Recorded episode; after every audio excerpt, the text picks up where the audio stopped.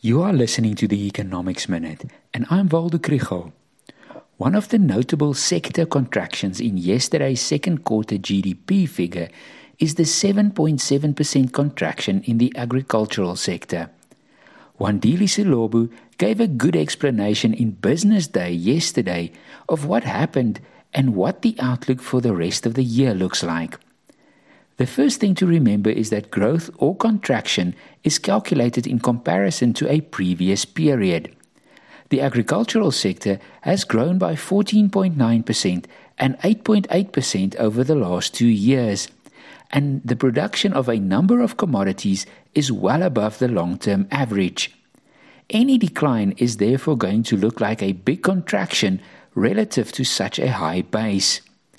The second point is that quarterly value added figures are usually volatile.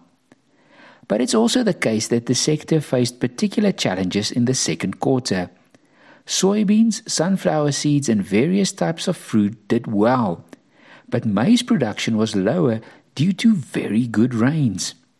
Foot and mouth disease and the rising cost of feed have limited production in the livestock industry and different exporters have suffered from infrastructural challenges and phytosanitary requirements. All in all, Wandile is not negative about the prospects for the sector. A good summer rain season is predicted, and there's a big effort underway to curb foot and mouth disease.